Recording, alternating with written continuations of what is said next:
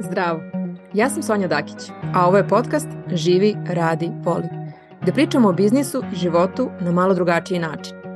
Ovde treniramo hrabrost i podržavamo radost uz praktične alate i sjajne životne priče. Ja verujem da dobre ideje mogu učiniti ovaj svet boljim i zbog toga im pomažem da porastu. Drago mi je da si tu. Dobar dan svima i dobrodošli u još jednu epizodu Živi radi voli podcasta. Ovoga puta moje veliko zadovoljstvo, sa mnom su dve sjajne žene sa kojima imam priliku da radim protekle tri godine i više, boga mi. Takođe ćemo pričati malo o njihovim, o njihovom putu, napretka, promene, iskustvu rada u okviru naše zajednice. Ali kao što ja volim da kažem, volim uvek njima da dam priliku da se prvo predstave.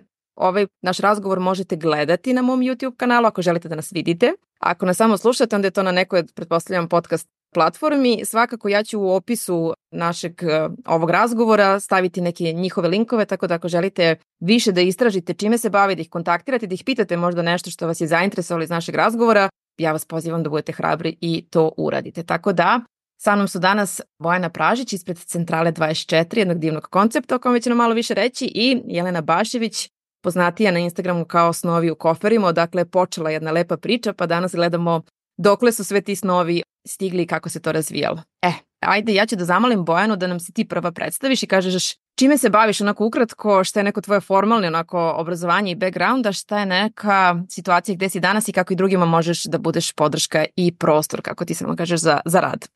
Hvala ti Sonja na pozivu.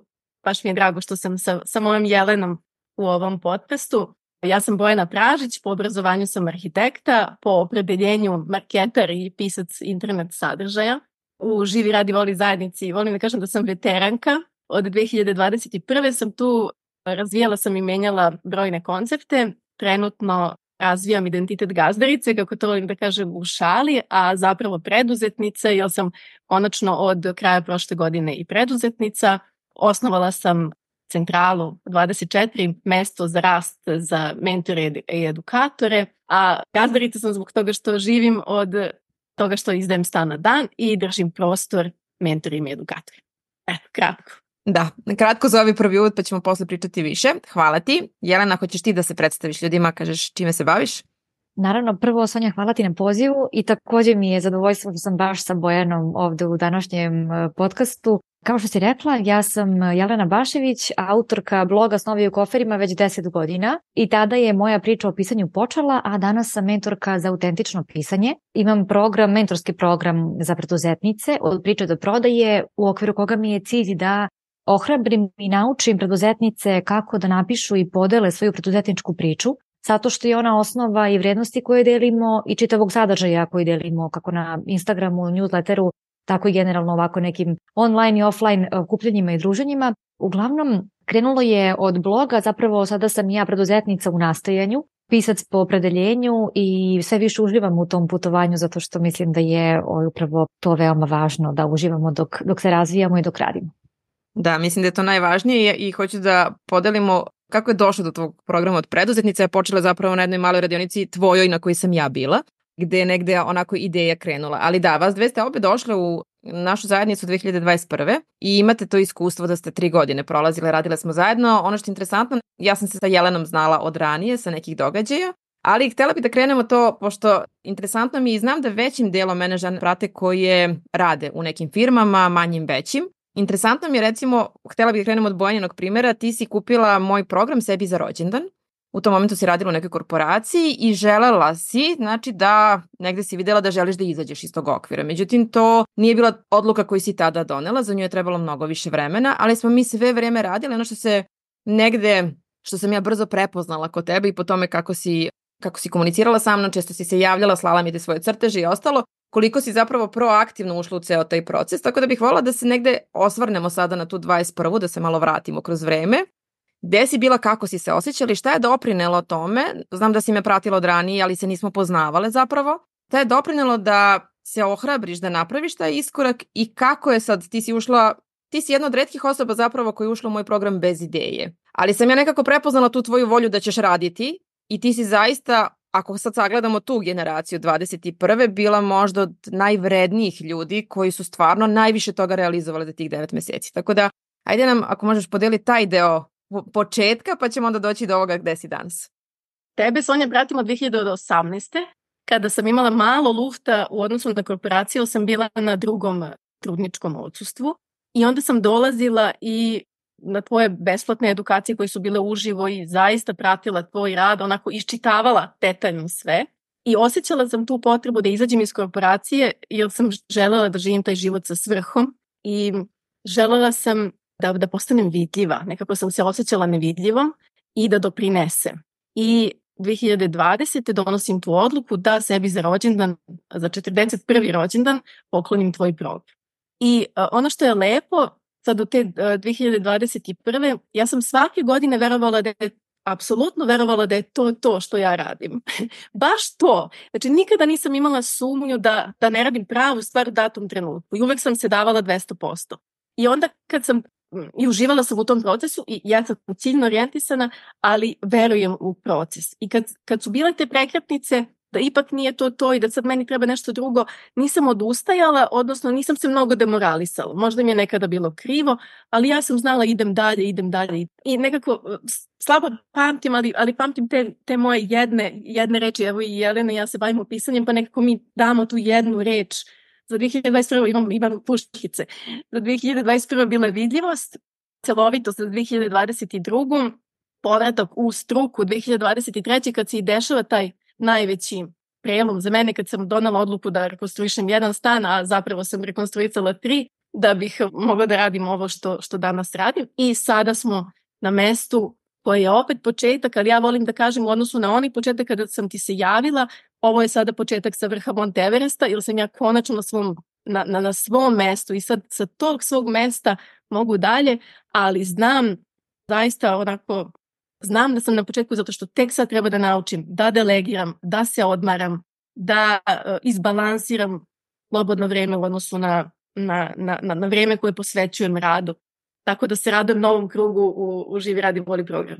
Da, ono što ja moram da kažem, ti si onako, meni baš jedan od boljih štrebera i zato volim onako kad profilišem kao s kim želim da radim, je uvek to kao Bilja Jovanović Fitaki si mi, ti Jelena Vašić, znači vi koji ste sa mnom više godina, vi ste stvarno ti, ali ti si nekako, to se sećam ja vama, na, ne znam, na početku programa kažem, ok, uzmite 20% ovog programa, iskoristite ga i pomerit ćete se i ti si baš bila to. Ti si uzela šta ti u tom trenutku trebalo, uzela si jednu ideju koja ti je došla i nju si testirala prve godine. Imala si svoju Facebook grupu, vodila si ljude kroz jedan proces, imala si to iskustvo i neke kampanje, pojavljivanja prvog Instagram profila koji si otvorila, da kažem, s nekom komunikacijom.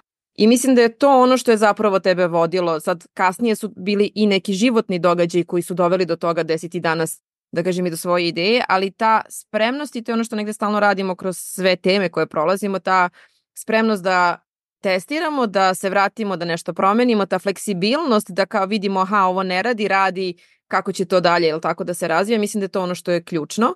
I jednu si stvar rekla, to hoću da se osvrnemo kada smo pričali o ovom razgovoru i to smo negde pre nego što smo uključile snimanje, ali mislim da je jako korisno da ga podelimo.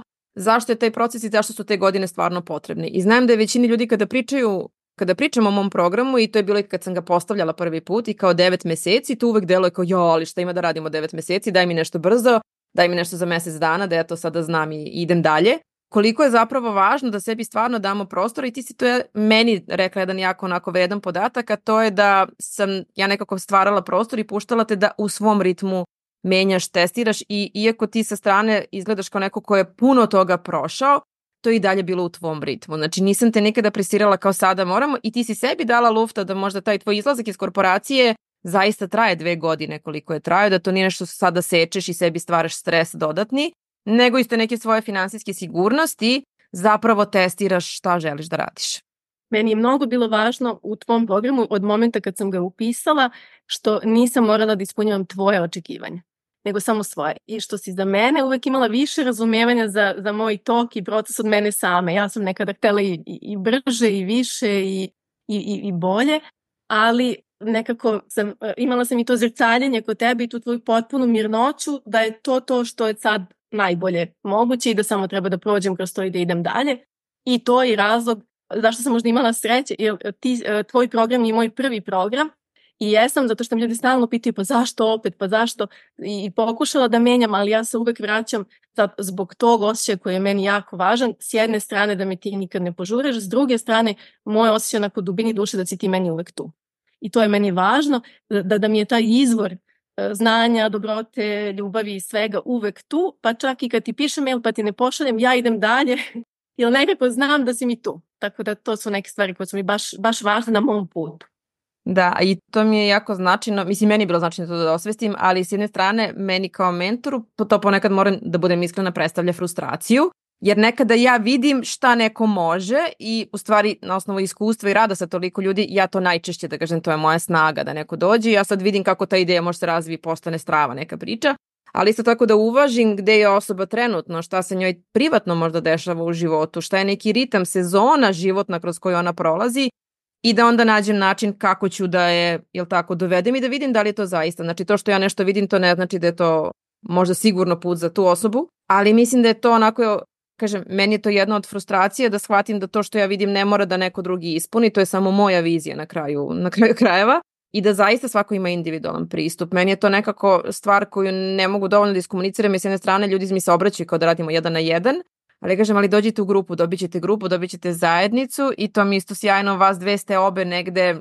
testirale puno toga u zajednici, sarađujete sa ljudima iz naše zajednice. Znači, kažem, dobit ćete mene, ja sam uvek tu i upravo to, zavisi od toga koliko mailova pošaljete, koliko poruka se javite, dobit ćete sve od mene što treba, ali ćete dobiti mnogo više od toga. Tako da, hvala ti što si to dotakla se da kažem i toga, ali sad mi je interesantno da Jelena ako možeš ti da se setiš svoje 21. godine, u stvari ti ja se isto znam, a ti bolje pamtiš nego ja od 17. 18. nekog događaja, bile smo u kontaktu i videle smo se zapravo par puta, popile smo neku šolju čaja, kafe na, na teme koje si ti tada, još ti tada držala neke radionice i ja sam onako, sećam se tog jednog našeg sastanka kad sam ti onako sipala gomilu ideja šta sve to može da postane, ti si sve to zapisala u svesku i u stvari to je nešto što se još uvek realizuje. To je sad možda bio neki trogodišnji, petogodišnji plan koji sam ti ja ovaj, onako ukratko iznela. Sad kad tako kažeš, shvatam da je taj susret e, bio nagovešti svega što, ra, što ću raditi naredne tri godine.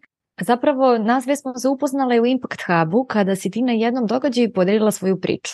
I tada sam ja tebi poverovala. Kada si ti podelila, recimo, priču o svom gostovanju na TEDx konferenciji u Beču. E, ne znam da li to bila primarna tema, ali upravo taj neki tvoj veliki iskorak za mene je bio veoma inspirativan.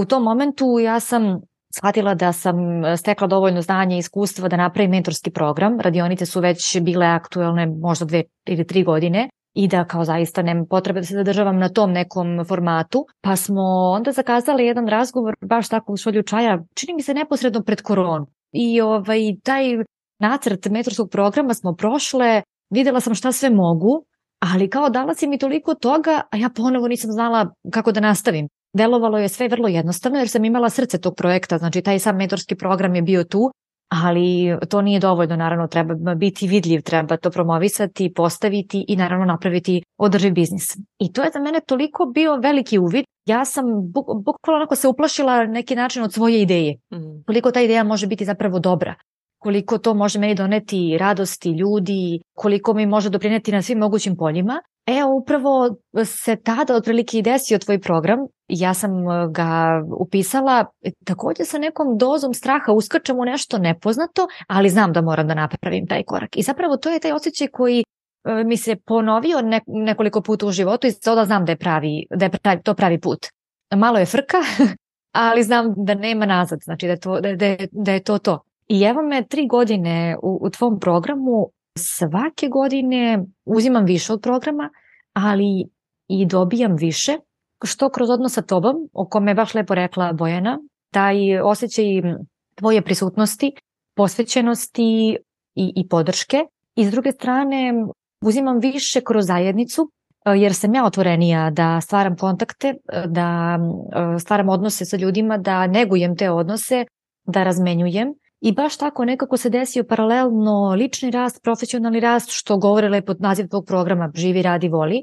I osjećam to širenje nekih kapaciteta na svim poljima, a samim tim i onda nekako lepše, lepše raditi iz te neke perspektive. A saista mogu sve da potvrdim što si rekla za Bojanu, stalo mi je to nekako da, da verifikujem sad kao neko ko je tu pos, posmatrao šta je sve Bojana postigla, uradila Meni je fascinantno bilo kod nje što je apsolutno podjednako verovala u svaku ideju koju je imala do sada, u svaki projekat, ali centrala 4 je nešto što zaista vidim kao njeno pravo mesto i mesto na kome može da nas podrži. E upravo je to je vredno zajednice za mene bila, gled, posmatram ljude, posmatram kako se razvijaju njihovi projekti, kako oni pristupaju svojim biznisima, onda mogu da uzmem nešto, mogu da ih pitam, mogu da podelim, mogu da tražim podršku I to je jedan, kao da kažem, to je nek, bezbroj nekih cikličnih onako krugova lepovi koji, koji se tako ređaju i kojih, od kojih nastaju nove saradnje, nove lepe stvari i to je eto samo deo onoga što mogu da kažem o, o, o ovom iskustvu u tom programu.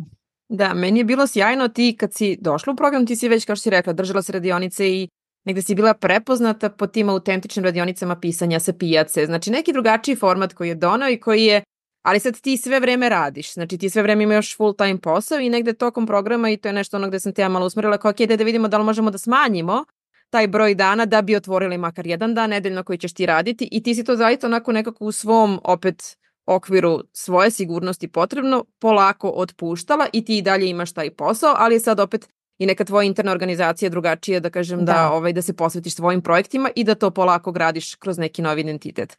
Meni je bilo interesantno, u stvari ove godine si nam, to jest prošle godine, prvi put držala masterclass i to je prvi, prvi put da smo uveli taj format. A sve je poteklo zapravo te jedne male radionice na kojoj sam ja bila tvojoj, koji si držala kod Dijane i Jane na druženju i to je bio jedan lagan proces, onako nekih sati i po vremena, gde si ti nas provela kroz par onako lepih vežbica laganih za koje sam ti ja rekla čim se završilo, rekao ovo treba da bude radionica. Znači bukvalno ili webinar ili nešto, ali je super kao taj zasebni format čak i nama koji smo u, u, tom kreiranju sadržaja da nas podsjeti na neku suštinu, da nas vratiš na one priče koje mi podrazumevamo, a ljudi ne znaju. Meni se danas i dan danas desi da neko dođe i ne zna da sam ja imala svoj biznis daj daj pre, ne znam, kao 10 godina. I onda meni to bude čudno i onda kao, aha, mi zato u stvari treba da ponavljamo te svoje priče. Ja sam ti tada rekla ovo treba da bude radionica i treba da bude neki možda deo programa nečega. I onda kada sam rekla, ok, hajde, hoću ja neku novinu u programu, hoću da zovem ljude koji znam da su specifični i vrlo stručni za to što rade, sam rekla, ok, hajde ti da nam održiš tu radionicu. I onda je iz nje u stvari proistekla, znači na osnovu feedbacka i svega što smo sve prošli, jer to kao, išli smo kao neke ključne reči, te neke situacije, neki momenti koji su nas u stvari oblikovali kroz naš život, je nastala zapravo ta ideja da ti si do sada imala jedan format programa za pisanje, ali se sada izdvojila jedna druga ciljna grupa koja je iz naše zajednice, a to su sada preduzetnice. Iako ja kao s jedne strane kao nekad mi zasmeta što se svi usmeravaju na žene preduzetnice jer kao da smo mi najranjenjivija grupa pa ništa ne znamo pa kao sad je sve za nas. Ali zapravo ti si vrlo dobro upakovala jer najčešće je nama problem da tu priču o nama ispričamo. I onda ona ili bude nekako onako generička pa kao završila sam to i to od škole pa sam onda ovo pa sam onda ono i onda to bude kao neki prepričani CV. Ali zapravo fali ta onako nežnost koju mi nosimo I tako je nastao program. E sad bi volila, znaš, da. to što si rekla, baš za zajednicu, za testiranje, znaš, kako je to izgledalo da ljudi shvate zašto je važno da imamo to neko bezbedno okruženje gde ćemo mi doći i pitati, gde ćemo stvarno dobiti neki koristan feedback i znam da si ti sa Milicom Cvejić dosta pričala o tome i Znaš, koliko su ti razgovori zapravo bogati da nama pomognu da se pomerimo i da izađemo iz neke svoje glave i razmišljanja i da stvarno krenemo u akciju. Da, evo pre nego što ti odgovorim baš na pitanje, samo ću korak unad da se vratim. Uh mhm. -huh.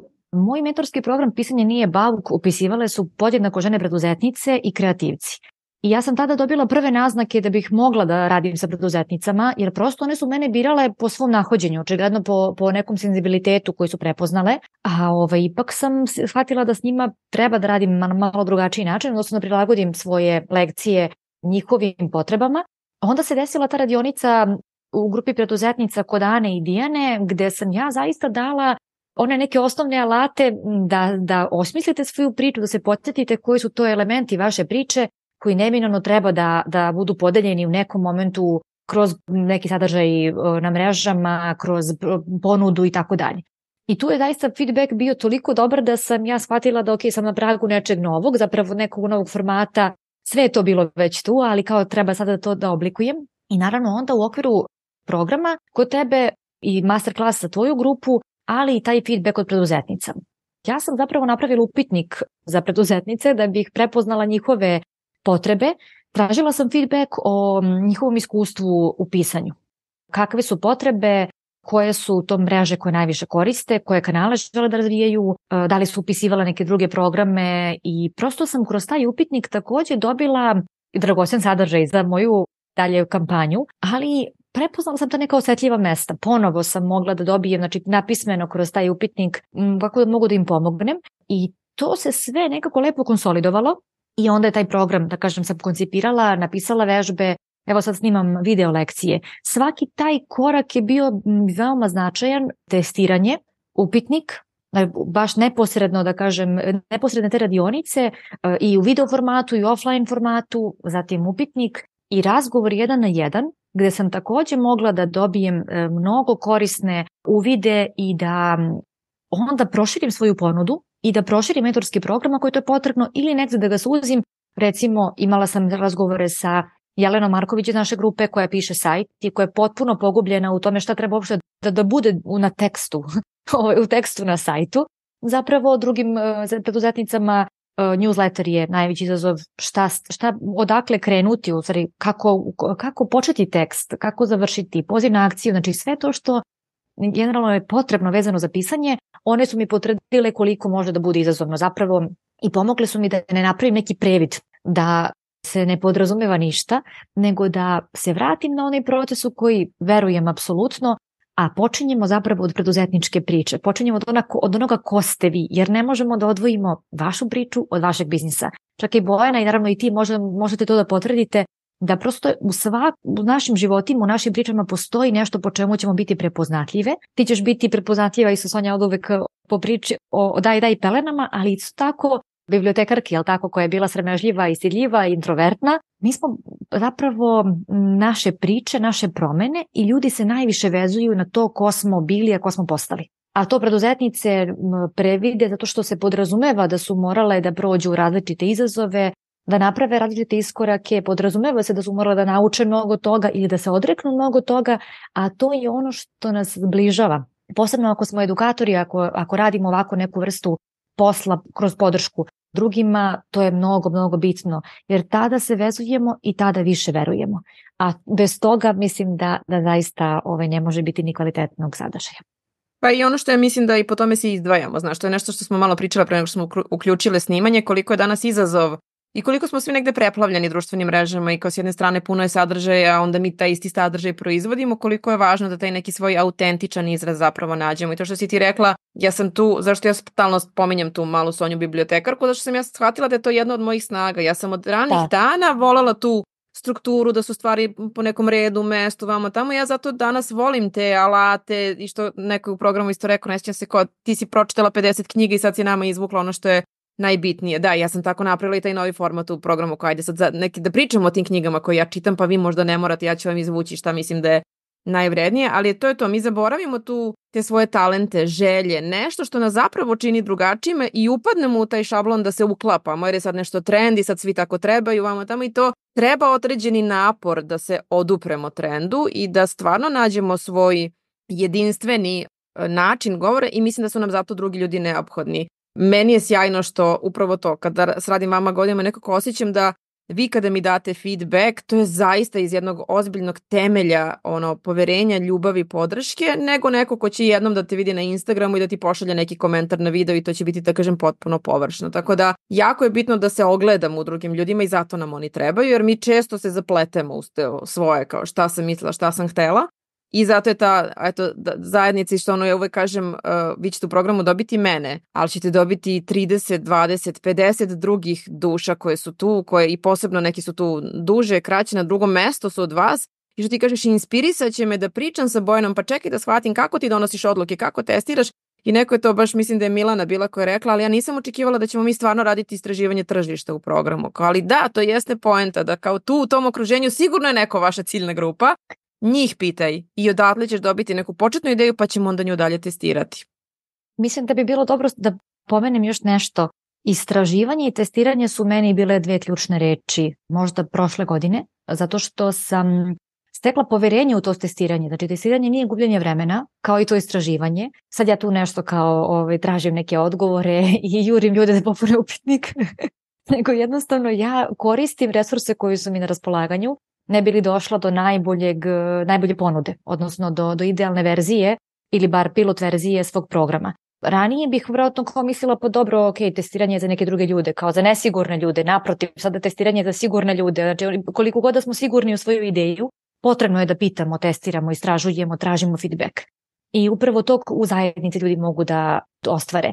tobom sam radila na upitniku, odnosno definisale smo pitanja, malo ih prepravile, do, doradile da one baš odgovaraju ciljnoj grupi, ali posle kada, kada zaista pustim taj upitnik na nekoliko adresa i dobijem ono što mi je potrebno, tada, tada zaista shvatam da sam uradila pravu stvar. I ovo mi je bitno za ljude koji imaju usluge i koji imaju proizvode, verovatno ista situacija važi. Znači to testiranje, istraživanje i koliko znam i, i, i Marija Pura koja radi e, kozmetiku je slično nešto uradila i ranije to nisam, da kažem, primenjivala u tolikoj meri koliko za ovaj program.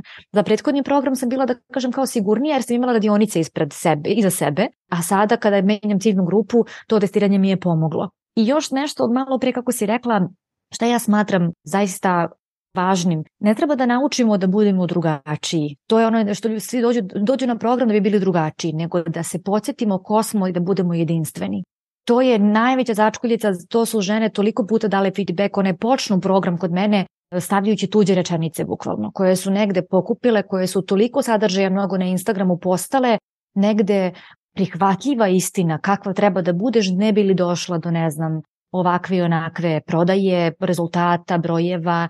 I onda one na nekom e, drugom, trećem mesecu shvate da su sve vreme se krile iza neke zavese ili više slojeva zavese i onda u, na kraju programa se vratimo nekad na početak da vidimo ko su one zapravo. I to ono biti drugačiji je nekako stvara pritisak, a biti jedinstven zapravo je najveća hrabrost. Ali zato što jedinstvenost dolazi od nas, a biti drugačiji je to da od drugih Znaš, Tako kao je. uzimamo delove koji možda nisu za nas to na temu i trendova i upravo to što ti kažeš, to, je, to si baš značajna, mislim, značajna je razlika. Nikada nisam razmišljala o tome na taj način, ali baš, baš si je lepo predstavila i nekako ja kada je čujem, meni deluju umirujući, jer onda nekako kao, aha, ja već znam sve što treba da znam, samo radići sa tobom ću to naučiti da iskomuniciram na pravi način i ti ćeš mi potvrditi da je okej okay, da ne moram da snimam video od 15 sekundi, nego da mogu da snimim video 3 minuti, da će oni pravi ljudi koji žele, koji imaju strpljenja, to pustiti i odslušati i na osnovu toga da kažem neku odluku doneti da li će raditi sa mnom ili ne. I ti si lepo rekla sada da, to smo isto pričale kao okej, okay, zašto je ta dugoročna podrška značajna i mislim da ono što ti baš uh, važno radiš sa, sa tvojim ženama u grupi jeste da da dobiju feedback na sve što pišu. Znaš, jer to je to, ja nekako ne očekujem od tebe da mi ti sad ispravljaš, ali da mi daš isto tako neku širu vizuru kako, šta može da bude i u krajnjem slučaju da mene podstakneš ili izazoveš, tako me već prija, da negde budem malo možda hrabrija, smelija, da, da negde nešto više, jer mislim da se mi isto ustručavamo kada je pisanje i uopšte predstavljanje na društvenim mrežama, mi se stalno uklapamo kao, znaš, da malo smo onako, stidimo se, znaš, da stvarno pustimo, a zapravo tu, se, da. tu nastaje razlika. Da, ja, ja iako ne poznajem žene uvek lično pre nego što dođu na program, ja tačno vidim koje su podvaljene rečenice. Zato što imam iskustva, vidim, vidim šta, da. je, šta je ono što je društveno prihvatljivo kako treba, kažem, da se predstavimo. I u trećoj verziji otprilike teksta dođemo do onoga što je njihova priča i onda one shvate da smo prošle kroz proces e, koji se ne tiče samo pisanja, nego nekog prepoznavanja, otkrivanja sebe to je ono što je teško nekada iskomunicirati i objasniti šta se dobija kroz program, ali to jeste najveća vrednost programa i to je ono što mi one potvrđuju da, da, da je zaista neko veoma značajno iskustvo. Sa našom Jelenom Daljanović sam prošla isti proces i ona kaže da nije mogla da pretpostavi da pisanje lične preduzetničke priče može toliko da promeni percepciju nama samima i onoga šta je zapravo ono po čemu će nas ljudi pamćiti. Da sad dok ti pričaš, ja sad pravim paralelu sa mojim ono kao idejama i u fazonu sa meni je to isto kao za biznis model. Znaš, dođu ljudi u program koji imaju ideju kakav biznis žele da imaju, zato što su ga kod nekoga videli i ne, i to im se sviđa. Znaš, i onda kad krenu da rade, onda shvate da to prvo ne vidimo sve, jel tako što taj biznis čini, to nije baš tako. I onda baš što ti kažeš, treba i neke dve, tri verzije koje ćemo mi da raščišćavamo, da, znaš, kao ono luk kad ljutiš pa kao ler po ler što ide sloj po sloj, da mi zapravo dođemo do tog biznisa koji će da podrži život kakav mi želimo. I onda u zavisnosti od toga da li imaš decu, da li imaš roditelja kojima brineš, da li živiš, ne znam, u maloj, u velikoj sredini, kakav je taj biznis koji želiš da radiš, da li praviš kolač ili pišeš ili šta god, ti onda tražiš svoj model koji će za tebe da radi. I okay, da nam drugi budu inspiracije u smislu sviđa mi se kako on nešto radi i sada ću ja da probam to nekako u mom kontekstu da prepakujem, ali ne po svaku cenu i ne samo zato što je to neki trend koji sada prolazi, nego ja hoću da vidim kako mogu da ga, tako da ga potpuno vidim upravo i to kako postavljamo biznise koji će stvarno biti u skladu sa nama i u kojima ćemo da uživamo u krajnjem slučaju. Da, zato smo mi ovde kod tebe tri godine, Bojana i ja. to si te slojevi i da sasvim okej. Okay. Da, ali zaista treba vreme, što kaže ja se nadam i jedva čekam da vidim šta će sve ova godina da donese kod tebe i naravno da, da ispratimo sve to da podelimo. Sad bih voljela da se vratimo na, na Bojanin deo priče koji isto to kao ti si kao arhitekta, znam da si volela te praktične alate sa kojima radimo i meni je bilo sjajno što si ti meni prvih meseci bukvalno slala te svoje skici i dijagrame, onako neke infografike, ne znam ni kako bih nazvala koje si ovaj crtala, gde je meni bilo jasno da ti procesuiraš da ti tražiš način za sad neke nove informacije koje usvajaš i koje su ti potpuno, verovatno ih prvi put čuješ, ti tražiš način kako ćeš ti sebi da ih da ih predstaviš i kažu da to upravo kada možemo, da smo razumeli neko gradivo, onda kada možemo drugom da ga prenesemo. E tako si ti dobila priliku, zapravo ja sam vam obema preporučila taj jedan program edukacije za mentore Upshift, ti si tu dobila priliku da nešto što si ti naučila primenila, što je još bitno, preneseš dalje i to je za pravi trenutak kada mi znamo da da je negde smo našli svoje mesto, negde smo našli način i model kako će jel, tako nešto novo da radi za nas. Pa ajde taj deo negde priče da ovaj, isto podelimo. Moj veoma uh, dragi deo, pogotovo što mi je od tebe došla preporuka za, za UNICEF Upshift u momentu kada je meni mentorstvo bilo sve. Ja sam bila zaista jednom nogom uh, iz korporacije i htela sam da se, da se dokažem sebi da mogu. I prvi moment kada sam stvarno mogla da odustanem realno je bilo kad sam videla upitnik ja nikako nisam bila idealan, idealan mentor po upitniku, nisam imala iskustva radu sa mladima, nisam imala iskustva u radu sa posebnim grupama, svašta nešto nisam uh, imala, ali sam imala ogromnu želju. Ja sam sebi dala vremena i danima sam popunjavala taj, taj upitnik i I dala sam sebi vremena da u sebi nađem te rečenice šta sam ja što mogu da, da donesem i doprinesem. I ne znam, naj, najtrećniji dan posle rođenja moje dece, ja mislim bio kad su mi rekli da su me pozvali. I na edukaciji sam pričala sa predstavnikom UNICEF-a i rekla sam da mi je stvarno jako drago što sam tu. I on je rekao, ja, ja se sećam tog upitnika, kaže, videlo se da ti je mnogo stalo, kaže, nama su potrebni takvi mentori. I to je meni mnogo, mnogo bilo divno. Onda sam odmah rekla, ja nemam što da čekam, idemo odmah prvi, prvi upshift u Beogradu i tu mi ekipa prođe i, i dobijemo sredstva, što je opet bilo onako fantastično i mogla sam da primenim e, ne samo znanje iz programa i znanje koje je za, zaista sjajno koje daje UNICEF, nego sam i svoje arhitektonske znanje mogla da primenim. I to da mi pravimo maketu i, i nekako potpuno sam bila celovita u tim procesima.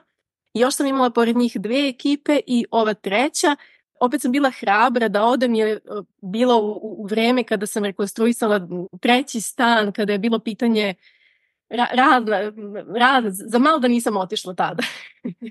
A eto, desilo se da sam bila hrabra i da sam rekla neka sve, neka sve stane, neka, neka gradilišta čekaju, ja idem, meni treba, ja hoću.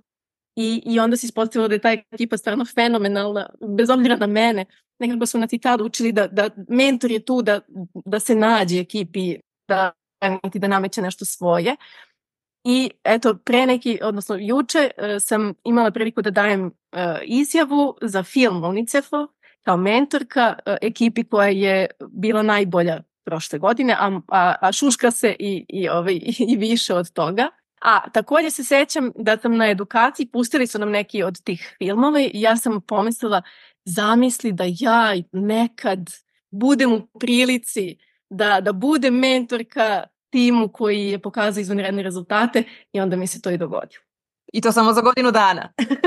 za godinu dana. Tako da hvala ti što si mi poslala, jer nisam znala, nemamo pristup koliko god da, zapravo baš zbog toga što smo toliko ovaj, preplavljeni raznim informacijama, neke važne informacije ne dođu do nas, Tako da to je ta podrška o kojoj pričamo da, da, da podrška nema rok trajanja kad, kad si ti kao mentorka u pitanju, uvek da se nekako setiš baš kad nam treba.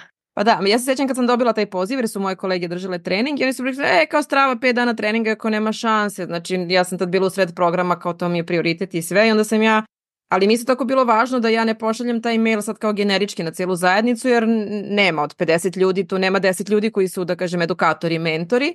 Onda sam ja sela i probrala par vas za kojima sam znala da će vam trening biti koristan, čak i da ne uđete u treninge, posle da ih držite, gde je to nešto što će nadograditi, to nismo radili, znači mi ne radimo design thinking u programu, možda ga, što kaže ja jednom prođem i snimim kao neki dodatni modul, ali znala sam ko drži treninge, šta će tačno raditi, kao super će vam biti kao neko nadogradnje iskustvo, zašto da ne. I onda sam zaista vas par probrala i mnogo mi je bilo drago kad sam videla to ste na trenizima, sve strava i da će se tako razviti priča, ali to je isto sjajno iskustvo ja sebe stavljam stalno u tu ulogu, kao iako sam neko ko vodi svoj program već godinama, isto tako ulazim u neke druge programe kao učesnik i onda stalno se igram između tog identiteta mentora i učenika, baš zbog toga da i sa strane kao ega malo da bi ga smirila i sa strane te frustracije kada ti uđeš u neku grupu pa sad vidiš aha da tim ne funkcioniše pa ta ideja koju smo krenuli smo odustali od nje pa nešto. Znači da, da shvatim da je to uvek proces. Ja se šalim sa mojim srđanom svaki put kad nova grupa kreće u martu mesecu, ja sam fazonu idemo da vozimo bicikl. I sad pošto ja ne umem da ga vozim, ja učim i dalje da ga vozim i to strašno smešno izgleda. Ove, on je foton, ali zašto se mučiš? Ko, zašto ne uzmeš rolere, ja ću na bajsiko? Ne, ne, ne. Ja moram da se vratim u taj proces frustracije učenja nečeg novog da bih mogla da razumem ljude koji će meni da dođu. Jer će oni doći i pregrš novih informacija i prosto taj proces, to je ta kriva promene koju mi radimo, on uključuje sve emocije kroz koje mi moramo da prođemo. I meni je potrebno da se setim svaki put tog procesa da bih razumela, da bi napravila prostor, da bi dala vremena koliko treba i da bi to ispratila. Tako da mislim da je to jako bitno za sve nas koji radimo sa drugim ljudima, da ne ostanemo, da ne kažem, da se ne, ne, ne preuveličamo u tom identitetu, nego da ipak ostaneš nekako ponizan i pred tom idejom i prema tim da neko stvarno može da odustane. Znači, ljudi koji muđu u moj program i odustanu od svih svojih ideja i vrate se na svoj posao mnogo srećniji i meni, je, meni su trebale godinu da shvatim da je i to uspeh. I oni budu jako zahvalni, jer kao meni je super što sam tebi platila da testiram i da shvatim da se to meni ne radi, da ću ja to da nastavim da radim kao hobi za svoje prijatelje, porodicu, ali da ne mora sve da bude biznis. Tako da možeš Jelena ti da nam podeliš svoje iskustvo, pošto ste bila isto na treningu, ali si ti, kao kažeš, tvoj tim imao drugačije iskustvo, ali mislim da je tebi to opet bilo značajno i za rad sa, u, sa ženama u tvom programu. Znači da shvatimo da koliko se vezujemo za nečije rezultate, a koliko poštujemo proces koji oni prolaze. Da, meni je takođe bilo značajno, uh, nisam imala tako velike uspešne rezultate kao Bojana i njeni timovi. Meni se desilo potpuno suprotno. Uh, moj tim je dobio budžet za, re, za realizaciju svog projekta, ali se do toga, da li do toga nije došlo, jednostavno oni nisu bili dovoljno motivisani, to sam primetila na samom početku, ali sam mislila da će baš taj budžet njih ohrabriti. Međutim, ako, to je to, ako ne verujemo u ideju, nećemo. Da, meni je to, moram da kažem, to mi je jako bitno da uh, novac nije garancija. Znači ono što ja uvek vraćam, on je tek neki treći, četvrti korak koji treba da se desi, ali to što ćete vi dobiti novac da neko podrži vašu ideju, to nije dovoljno. Da, i to je isto bilo korisno za mene. Prvo da vidim da, da mm, postoji granica odgovornosti u mentorstvu, da prosto ja ne mogu raditi stvari umesto njih, ne mogu verovati više od njih. Ok, mogu do, nek, do, do neke granice kao što i ti veruješ u nas, ali prosto na meni je kao i na njima da radimo. Tako. Da uh, se obavežemo na neki način, uh, da se pojavimo kada treba i gde treba da upravo to objavimo tu ponudu i tako dalje. Do toga nije dolazilo uporno koliko god ja želela da se, da se stvari pomaknu i to je donekle bila frustracija za mene, ali test kao ok, što ti kažeš da da su oni bili, možda bi to bilo ovako otišlo na, na moj ego, da su one bile ovaj, toliko uspešne u svojom projektu, da je to išlo sve onako glatko, onda bih možda i pripisivala sebi više nekih zasluga. Ovako sam shvatila da postoji je podeljena odgovornost, o tome govorimo upravo i, i u tvom programu, da postoji, uh, uvek je potrebno da postoji ta vera u, na svakom koraku kada ako zaškripi negde, ok, da imamo podršku, ali prosto mi moramo verovati. I onda sam ja to tako prihvatila kao lekciju više, jer isto to mi se dešava apsolutno i sa ženama koje su kod mene u programima Neke veruju više, neke manje, neke imaju više izgovora, neke uopšte nemaju izgovora, neke naprave rezultate nakon programa i to nekako niti pripisujem apsolutno sebi, to je njihov uspeh, njihov rad, ali onda shvatim da je ipak potrebno vreme i da je uvek, uvek proces i važniji od rezultata, jer upravo to, rezultat nije samo postići to, ili rezultat je odustati. I to je jedan od velikih tih uvida da je, da, da je ok odustati od ideje, da je ok da nešto ne postane biznis, nego da, da ima svoje mesto u našem životu koje mi odredimo, e, da i pisanje naravno nekome može biti hobi, nekome postepeno može donositi prihode, da ja ne namećem upravo svoje očekivanja što je rekla Bojana, da ti ne radiš od, u odnosu sa nama, nego da prosto nam pokažeš put koji možemo da idemo kao što ja radim u mentorstvu, daš nam alate, daš nam podršku, resurse, apsolutno sve što je potrebno za to putovanje, a mi smo ti koji putujemo. I apsolutno je tako u pisanju, znači koliko god ja vidim potencijala na osnovu te priče, preduzetničke priče koje ispišemo na početku, neko je toga čudo napravio, recimo jedna devojka Mateja Vranko, Vranković koja je došla do svoje knjige, nju je napisala o, ovaj, zajedno sa Vanjom Tačkom, ona je sa mnom definisala tu svoju priču i došli smo do toga da je njena priča zapravo promena, odnosno život u inostranstvu. A onda je napisala knjigu o životu u inostranstvu. Dakle, i ona se pojavila sa nekim onako manje više očekivanim tipičnim idejama i onda smo onako sloj po sloj došli do toga, ej, pa ti stvarno si vrhunska u ovome, da, se prila, da menjaš uh, sredine, da menjaš mesto boravka, da se dočekaš kao mačka onako na sve četiri, e pa kao da, to je moja priča. I kažem, od tog momenta i od tih svih tekstova koje napišemo, posle, posle šta se dešava, to ipak je, je na, na, na njima. Meni je to, ja sam do tog uvida došla pričići sa slađem i kao kad smo negde oktobar, novembar, kao eto kao pravimo mi plan za kampanju i šta ćemo da iskomuniciramo i uvek je taj izazov, znaš, kao kako upakovati u kampanju nešto što je, što toliko emocije u krajnjem slučaju ima i onda ona mene pitala, pa dobro, šta je tebi cilj? Kao ajde, znaš, kao šta je tebi cilj za ljude koji dođu u program? Ja sam razmišljala, razmišljala, rekla, znaš šta, meni, i to je jedan od onako postova koji isto jako puno reakcije dostigao na Instagramu, ovaj, se rekla, meni stvarno nije cilj da svako napravi posao, jer mi je jasno da to nije moguće. Znači, statistike tako pokazuju, ono, preduzeće se osnoje svake godine koliko ode u likvidaciju, ali meni jeste cilj da oni budu bolji ljudi i da žive bolje živote. I u tom kontekstu bi voljela negde da se dotaknemo toga, vi ste došli sa nekim očekivanjima te 21. u program i verovatno ste imali neki vremenski okvir kada želite da neke svoje ciljeve realizujete i šta je to, znači Evo, Bojana nije imala ni ideju, ali je kao htela da napravi neki iskorak i sad je bila spremna da s tim eksperimentiše. Vola bih da se negde dotaknemo te teme, ok, šta su bila neka vaša ispunjena očekivanja, ako to sam dobila, to mi je strava, sad imam to što se reka, sad sam opremljena, imam znanja, veštine, imam neke strategije kojim uvek mogu da se vratim i ono kao da napravim, ne znam, petu, šestu verziju svoje marketing strategije, biznis modela, šta god. Ali šta je možda nešto što vas iznenadilo, možda frustriralo, baš to što se tiče da je za nešto potrebno vreme, da je proces, da ne može preko noći, da ćemo možda tri puta napraviti nešto i to neće ono dati rezultate koje mi želimo, ali onda naše da se pokupimo i da vidimo šta treba da, da promenimo, ali tako i da pokušamo ponovo. To mi je recimo interesantno kod tebe, Bojana, što si rekla, ali ja sam verovala. Znači ja po tim karakteristikama, ja nisam ispunjavala ništa od toga što su oni tražili, ali ja sam verovala i meni je bilo stalo. E to je ono što ja kažem, mora da vam je stalo, jer onda kad vam je stalo, onda ćete vi da se potrudite i to što ti kažeš, ja sam se danima vraćala, ja verujem da za tebe taj proces je s jedne strane bio frustrirajući, jer kao svako od nas želi da sedne popuni, pošalje to i što kaže nada se najboljem, ali ti nisi odustajala jer ti je bilo važno i to je na kraju dovelo do rezultata. Znači da budemo svesni da su sve te emocije i svi ti elementi deo tog procesa. Šta ti je sada kad se osvareš na svoj put, zadnje četiri godine zapravo koliko on traje, šta je možda nešto što je tebe frustriralo, šta ti iznenadilo, šta ti, na šta je možda išlo brže, šta je išlo sporije, šta je tebi to predstavio najveći izazov? U samom programu ja sam prolazila kroz, kroz razne faze. Prve godine sam stvarno puno učila. Radila domaći, uh, pojavljivala se na Zoomu. Prvi put, uh, maltene sve, sve alate sam prvi put u životu tada videla. Ali onda sam se vraćala iz, iz želje da kroz poznate alate prođem nova ja, sa novom idejom, novom temom.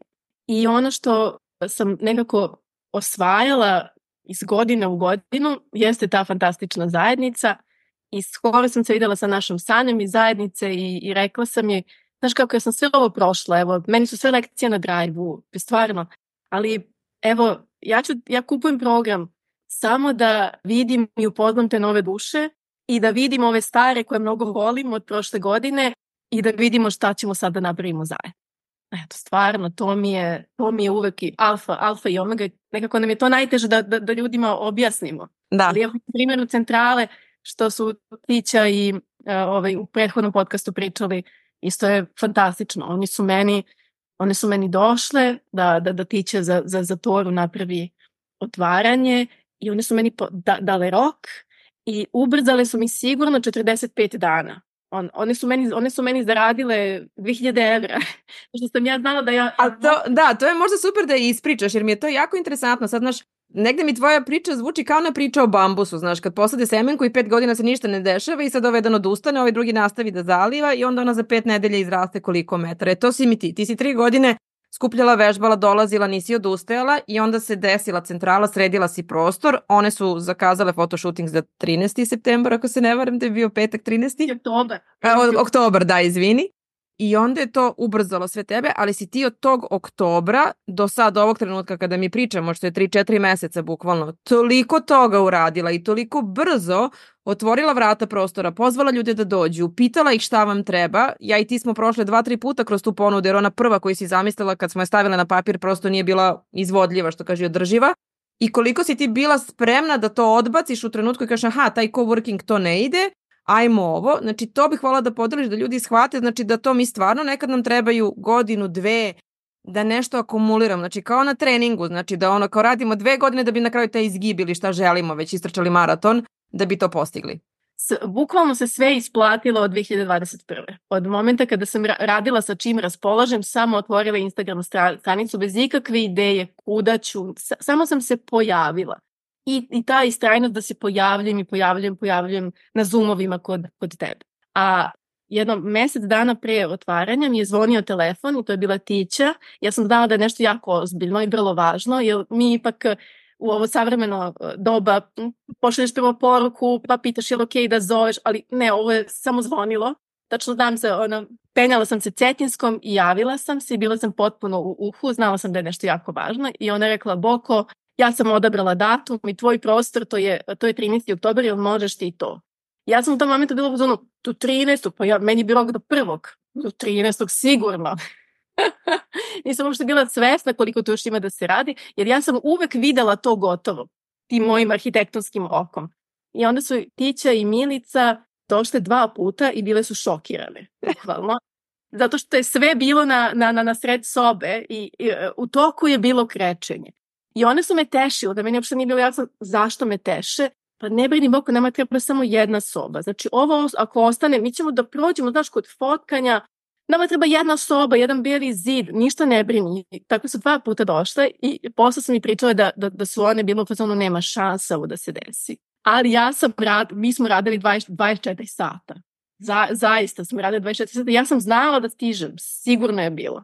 I stvarno smo tog 13. dobro otvorili i mnogo mi je bilo lepo da to u životu neću zaboraviti. I bila sam i, i model i manekenka i našla sam svoju haljinu koja je sada ona, ona Bojana kad je, kad je zaista u, u najboljem svetlu i mnogo, mnogo mi je bilo lepo. I od tog dana, ako mi verujete, ne znam da li sam kupila još, još nešto. Ja mislim da, da sam samo TV kupila nakon toga. Ma, manikantu za smeće nisam dodala. Sve što sam uradila, uradila sam do tog 13. ili postoje rok.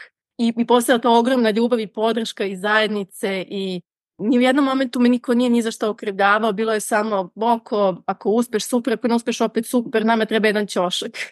Da, ono što je meni super da negde ispričam u stvari šta je Centrala 24, ali jeste prostor to u centru Beograda koji može da služi za fotoshooting, može da služi za radionice, za rad jedan na jedan. I ti ja kad smo radile tu neku prvu, drugu verziju tvog biznis modela i tvoje ponude, zapravo smo raščišćavale kao za koga je šta. I ono što se meni jako dopalo, što si ti meni poslala neki predlog, ja sam ti rekla, ok, ajde da se vidimo, brže ćemo to da prođemo na razgovoru. Ti si bukvalno, čini mi se, u roku od nedelju dana rekla, aha, to je to, sledećeg petka ja ću da napravim otvorena vrata i da vidim ko će da dođe. I to je bio jedan poziv na Instagramu gde su stvarno došli poznati i nepoznati ljudi Neki ljudi kao što je Jelena Novović iz naše zajednice su održali radionice, znam da je Jelena Bašević isto nešto, sam moram sve sa prezimenom da govorim, pošto ih ima toliko Milica, Jelena i ostali, snimala. Znači, meni je to bitno da ljudi shvate, znači, odatle dolaze rezultati, znači, što smo stvarno spremni da uđemo u taj proces i to, da postavimo sebi cilj, da idemo ka njemu i da onda, ako nešto smo zamislili se ne ostvaruje, ok, na licu mesta ga menjamo i gledamo kako će to da se desi. Ti si, ti si meni, znam kada ti rekla, kao, ok, ja pravim sad ponudu za novembar, šta sve može i ti si rasprodala svoj prostor za novembar. On je bio pun nekih radionica, dešavanja, svega toga što je sada već postala neka standardna ponuda centrale. Jeste, jeste, ali mnogo su, bila su ključna ti naši sastanci, jer ja sam centralu opremila strujom za coworking. I sada imamo gomilu viška struje ali srećom nisam kupila stolove, nisam kupila svu moguću opremu koju sam mogla da, da, da, da investiram u nju potpuno bespotrebno, jer mi smo mali prostori, nismo za to. I kroz te biznis kanvase koje sam ja uporno popunjavala onako na, na, na, na tri meseca, došli smo do toga da sam ja za, za, za mentori i edukatore, prostor za, radio, za radionice i edukacije. I onda se nekako sve otvorilo i počelo je od, od naše zajednice, jer hvala Bogu ima nas dosta radioničara, mentora i koučeva, a e, prvi, prvi pilot projekat je bio Matine petkom, gde sam okupljala i, i svoju zajednicu i druge, a onda si mi ti rekla, ajde da probaš pop-up shop, ja sam rekla, molim. ja sam googlala šta znači pop-up shop, ali sam izgurala. U decembru je bilo stvarno fenomenalno, trodnevni pop-up shop, e, puno ljudi i tako, sad ćemo da ga ponovimo u početku marta.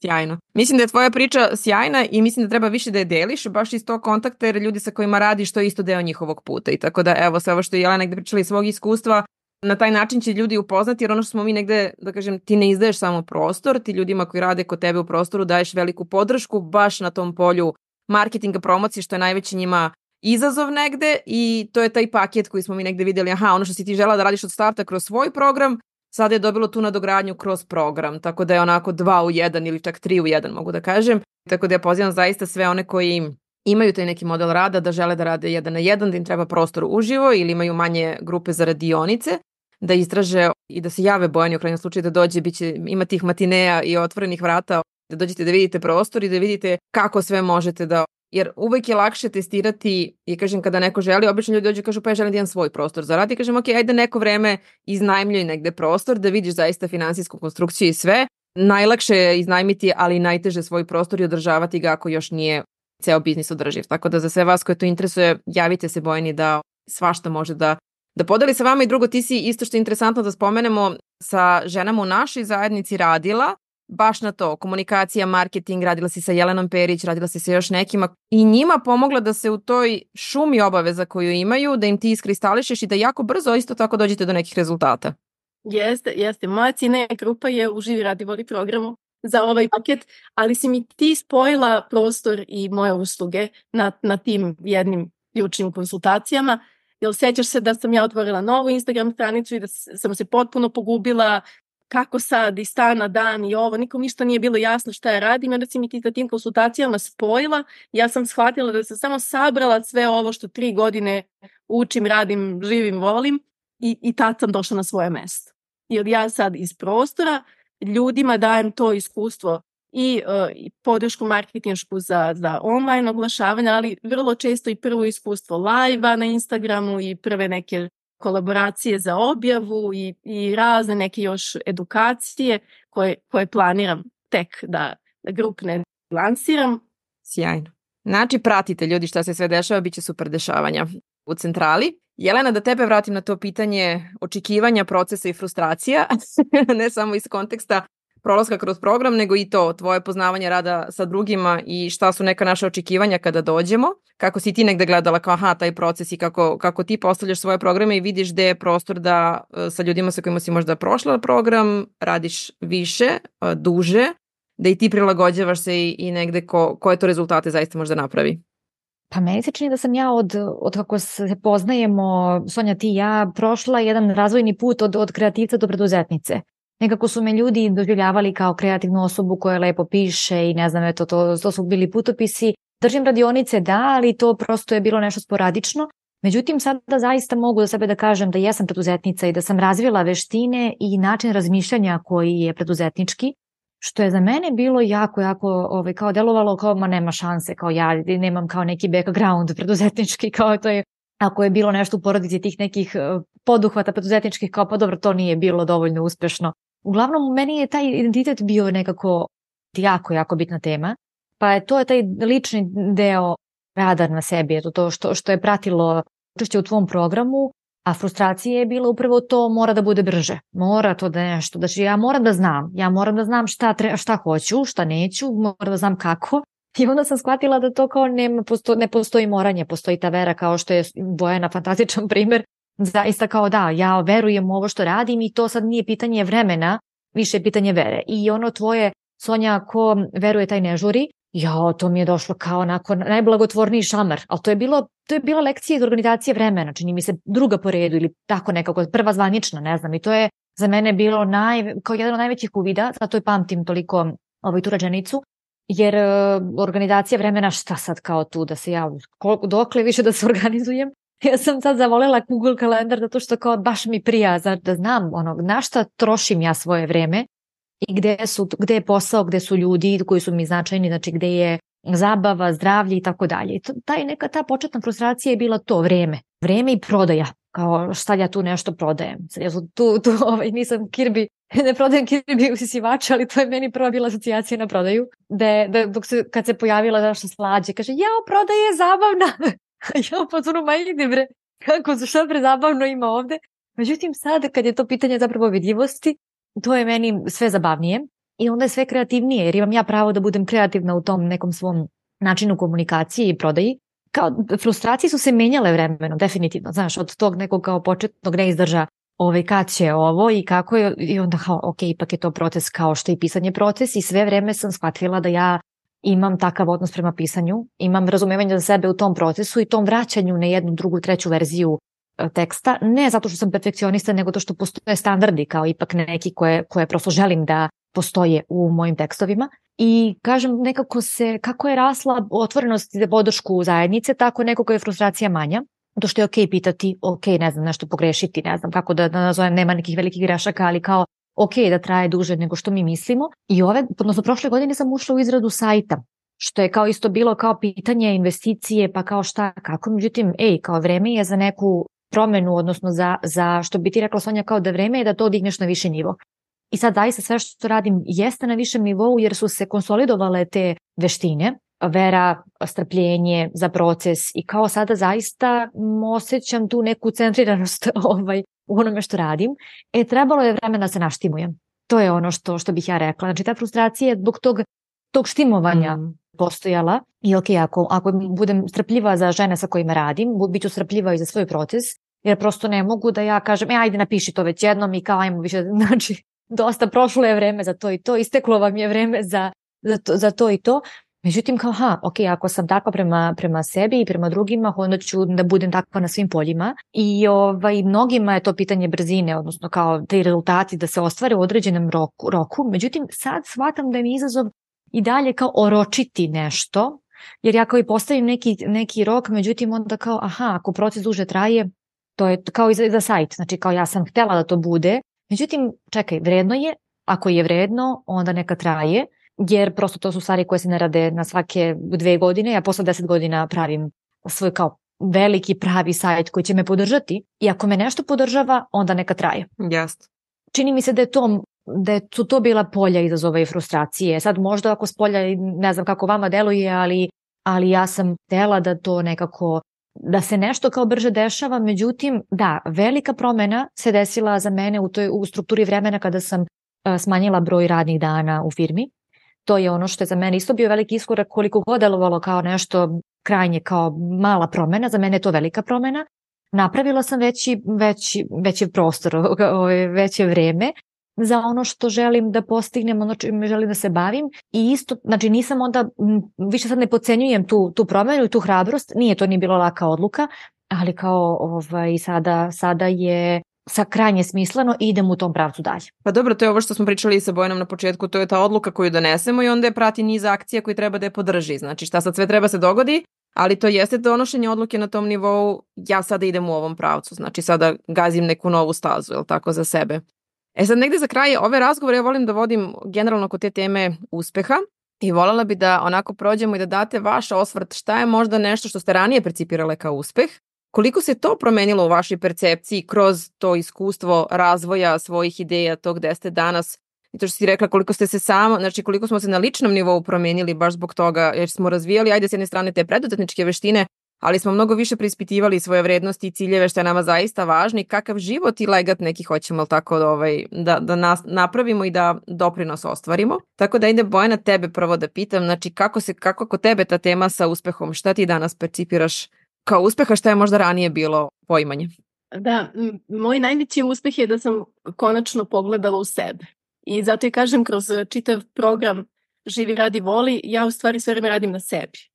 A svi ovi uspesi koje vi vidite su, su, samo, su samo propratna, ne znam, napisana knjiga kao ghostwriter, pa jedno udruženje, pa jedan program, pa sad jedna firma, tri stana, jedna centrala i tako. Ali verujte mi, meni je trebalo 10 godina da donesem odluku da ću sistemski da radim na razvoju svojih veština, da poverujem da imam šta da dam. I to je za mene stvarno najveći uspeh i da to nekako strukturiram, to što imam da dam, da strukturiram. I zato kažem, sad, sad sam opet na, opet na početku, ali sa svog mesta, što je ogromna stvar za mene, ogroman uspeh i za mene. I jesam ciljno orijentisana, ali učim se da, da verujem u proces i da puštam procesu. I jesam od onih koji nemaju plan B, ali evo sada pravim malo balans da, da, da verujem procesu i tek treba da učim da se više odmaram i da, i da ne upadam u burnout i da delegiram, ali eto, to su sve teme za ovu godinu koja je ispred nas.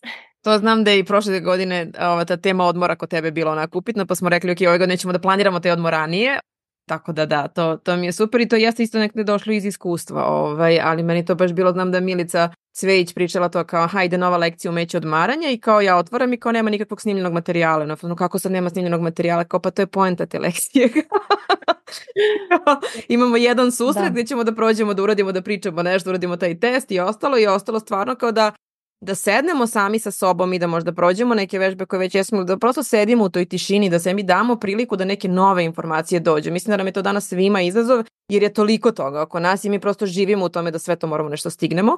Ali mislim da danas stvarno uspeh da se ono kao primiriš i da čuješ šta tebi stvarno treba i na osnovu toga da biraš šta i koga ćeš da, da pustiš u svoj svet. Tako je, velika mi je stvar bila, uvek mislim da sam sve čula ovaj, od, od tebe, ali onda smo radili planiranje sa onim velikim kamenjem u tegli uh, i sa peskom između. Stvarno, toliko me pogodila ta tema i sad samo razmišljam o tom velikom kamenju. Početak je godine. Treba složiti kamenje. da ne propustim ja to veliko kamenje, a ovo pesak, pesak svakako i ništa da ne radimo, vreme ide. Jeste, baš tako. Super. Hvala ti ovi što si to podelila. Jelena, kakva je stvar kod tebe? Kako ti vidiš uspeh? Kako je ranije bilo? Šta se tu promenilo? Mogu potpuno da se nadovežem na ovo što je rekla Bojena, pronalazim se praktično u svim e, stvarima koje je podelila. Ukratko, ispuniti svoju svrhu, to mislim da je uspeh. Jer eto, provode, mnogi ljudi provode živote prosto ne, ne, ne otkrivši tu svoju svrhu i taj svoj poziv. Iako on traži da bude otkriven i daje nam signale, pa neko zatrpavamo te sve unutrašnje glasove različitim očekivanjima i društvenim i ne znam porodičnim i tako dalje. Svako ima svoj, svoj neki sistem glasova oko sebe. I upravo život po svojoj meri je jedino što sad smatram uspehom. Ranije je ta ideja uspehu bila maglovita. Uspeh bi bio onda kombinacija tih nekih očekivanih društvenih konstrukata kao kad treba nešto u životu postići, zašto je kada vreme, kao da bude to nekako uvremenjeno po nekim standardima i da to kao mnogo raditi, možda i mnogo zaraditi, ali to nešto mnogo ovaj, je uvek bilo kao uspešno je nešto treba, nečeg treba da bude mnogo. Međutim, sada je uspeh i odmoriti, znati stati odapravo. Upravo to je znati stati, to je ono što, što sam u poslednjih pola godine ili godinu dana doživjela kao svoj uspeh i to nam je Sonja takođe bila tema i u programu i moja lična tema. Jelena, kada ćeš uh, otići na odmor? I to kada sam ostvarila svesno izabravši da neću ništa raditi, samo ću odmarati, a to za mene znači, ne znam, šetnja, knjiga, plivanje, to je zaista onako, to je samo postojanje, znači samo ću postojati u nekom svom ritmu, to je baš za mene bilo veliko otkriće, jer eto kao prosto malo, malo tog radoholičarskog e, ovaj, u meni, pa plus izgaranje, burnout je drugačije kao ne znam, a moram mnogo da radim. E onda naravno kao shvatiš da je super delegirati, odnosno da je okay delegirati, da je okay neki korak preskočiti, skratiti posao kao za sajt. Jelena, radiš onu MVP verziju sajta što bi ti rekla, znači nećeš da radiš apsolutno sve odmah i sada, nego kao ideš po tim sitnim, sitnim koracima, a zapravo onda više uživaš.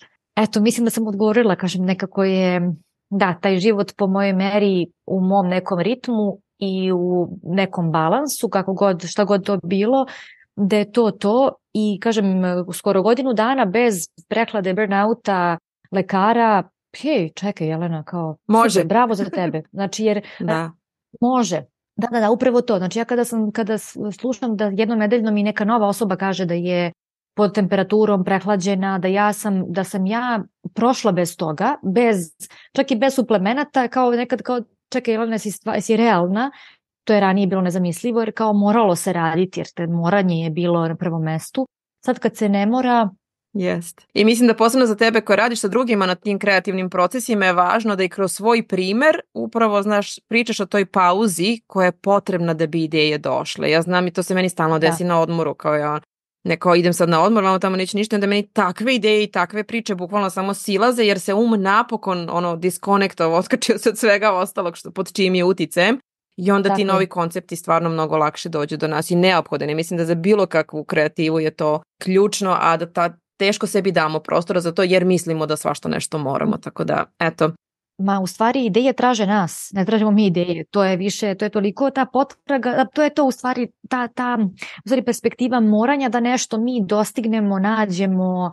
Ljudi će nas pronaći, ideje će nas pronaći, ponuda u stvari ta će se iskristalisati kao nije to taj sta, ta pozicija delanja tog da od nas zavisi je da, ono da. što nas sagoreva. Ali dobro, to, zato što kaže učimo jedni od drugih i učimo zajedno da to radimo i podržavamo sebe u tome, ovaj, apsolutno. Ja bih volila negde za kraj ovog razgovora, mislim smo lepo prošle i vaše puteve, ali bih volila da vam dam priliku ako želite, ako imate jednu neku poruku važnu koju vam je još bitno da podelite, nešto što smo možda propustile, za nekoga ko eto možda sedi negde, osjeća da može više, ne zna šta je pravi put, ne u kontekstu toga da li treba da upiše neki program ili ne, ali znači šta je taj neka, taka neka rečenica ohrabrenja koju možemo da damo nekome ko misli da kasni, da, ovaj, da je već možda ima previše godina ili šta god da su životne okolnosti kojima sebe nekada previše definišemo. Šta bi bila neka vaša eto, poruka upravo iz te pozicije jer obe radite sa ljudima, dajete im podršku, verujete u njih, u njihove ideje, kako bi ovaj to upakovala. Ćeš ti Bojana prva pa onda da nam Jelena zaokruži. Može. Ja sam pod utiskom toga da sve češće vidim da živimo kao da, da smo večni i da sve nekako odlažemo, a evo i ovaj naš Zoom zvanični je odložen zbog nekih loših okolnosti. Meni u decembru premenio kolega iz Knaufa sa kojim sam radila 15 godina i mislila sam da mi neće, da mi neće ovaj, mnogo, previše pomeriti, ali mnogo me je pomeriti. I pod utiskom sam konstelacija na kojima sam bila za vikend i, i toga da E, je jedna odluka, jedna akcija, jedne moje davne pretkinje uticala na moj život danas i da je to polje pokazalo prosto. I za, želim da poručim svima koji ne mogu da pogledaju u sebe, ako već ne mogu da pogledaju u sebe, da pogledaju te neke buduće generacije, ne samo u svoju decu, nego i sve te buduće i da naprave taj hrabri iskorak. I to nije samo hrabri iskorak, to je stvarno svaki dan, evo ja na svom primjeru, svaki dan iznova srce na teren, hrabrim koracima kroz strah. I tako je, prosto. Eto, mm. to je moja poruka. I da ne živimo da ćemo biti večni, mi smo stvarno sa, sa rokom trajanja i treba da iskoristimo što smo tu. Da, bukvalno smo neka trenutak, što kaže u univerzumu. I mislim da ovo sad ću, samo ću se nadođe na tebe kao što treba da gledamo u ove koji dolaze iza nas, to jest najčešće našu decu ili neku drugu decu koju imamo u okruženju. Isto tako, apsolutno treba da gledamo one koji su bili pre nas Meni je često tako kad sam bila u nekim situacijama pa kao strah me padala ovo, padala ono, ja sam isto se tako ugledala na svoju baku i razmišljam kada je ona mogla iz te situacije gde je bila da uradi to što je uradila, šta ja danas ima da se plašim bilo čega kao. Ove, I mislim da, da su to ogromni resursi, znači kao što mi stojimo tako na, na ramenima naših predaka koje često zaboravimo i na osvestimo, tako i neke druge ljude koje ćemo mi na svoje ramena podići da je to ogroman resurs energije i snage koji zapravo treba da, da sebe stalno podsjećamo i vraćamo i koji onda upravo nekako olakša i taj strah i, i sve nekako učini manjim jer je ovo mnogo važnije i onda zbog toga se zapravo usudimo tako da hvala ti, hvala ti na tome. Jelo ti? Uh, pa da, ovo što ste rekli je zaista baš divno za kraj razgovora i generalno se plažem takođe sa svim što ste rekli jer ipak Da, to mi, smo, mi smo i, i zatkani od tih pro, od, od prošlosti od budućnosti, najviše od sadašnjosti, ali to ovaj, treba iznova da se podsjećamo. Ja bih se vratila na to pitanje svrhe, jer prosto smo svedeni nekad na brojeve, račune, obaveze svakodnevne i zaista se ne, ne, ne podsjetimo ko smo i zbog čega smo ovde. To je ono što uh, sam ja otkrila, odnosno i sebi obećala da, da je pisanje moja svrha i da sve što radim, radim zbog pisanja. I možda ostvarujem takođe jednu ovaj, želju mojih predaka, odnosno ne, neostvarene talente iz moje porodice, ali to nek, ako je tako, onda, onda je to dobro. Mislimo da prihvatam i to s radošću e, nosim i ostvarujem. Upravo kao što kaže Bojana, hrabrost je ono što je najvrednije. Čini mi se ta, ta, ta vera koja, koja je iza hrabrosti, vera da možemo, vera da smemo, da imamo pravo, upravo to da podelimo svoju priču, da živimo tu svoju priču i da kroz tu priču obogatimo druge živote. Ništa, ništa lepše od toga. Tako da Hvala vam pre svega drage žene, dragi hrabre žene što, što ste tu, što radite to što radite, ove, što ste podelile svoj put i verujem da će mnogima biti koristan. Ja ću opet podsjetiti ako želite, znači ostavit ću dole sve linkove, možete kontaktirati direktno Bojanu, Jelenu, pitati ih e, šta god vas interesuje, a ja ću nastaviti eto deo svoje svrhe da e, radim i kroz ove razgovore. Nadam se da će Jelenina knjiga uskoro da ugleda svetlo dana, pa će to biti jedan lepa pobeda da ćemo u Bojaninom prostoru mnoge lepe događaje da slavimo i doživimo, jer na kraju dana tako to je ono što ostaje iza nas. Tako da hvala vam drage moje i vidimo se naravno uskoro, a svam, svima vama koji ste nas slušali, hvala vam što ste evo podelili svoje vreme, svoj život uh, sa nama na ovaj način i nadam se da vam je to na neki način obogatilo dan, a možda čak i ceo život, ko zna. Hvala vam. Hvala Sanja. Hvala ti na slušanju. Ako znaš nekoga kome bi ova epizoda dobro došla, prosledi link slobodno. Neka to bude tvoje dobro delo za danas. Ako želiš više da znaš o tome šta ja radim i kako možemo raditi zajedno, poseti moj sajt na adresi www.sonjadakić.com. Na mom Instagram i YouTube kanalu možeš pronaći puno besplatnog sadržaja, a ako imaš neko pitanje koje želiš da prođem u narednoj epizodi ili imaš tu ideju koja ti ne da mira, piši mi. Do sledećeg slušanja želim ti više hrabrosti i radosti u svakom danu.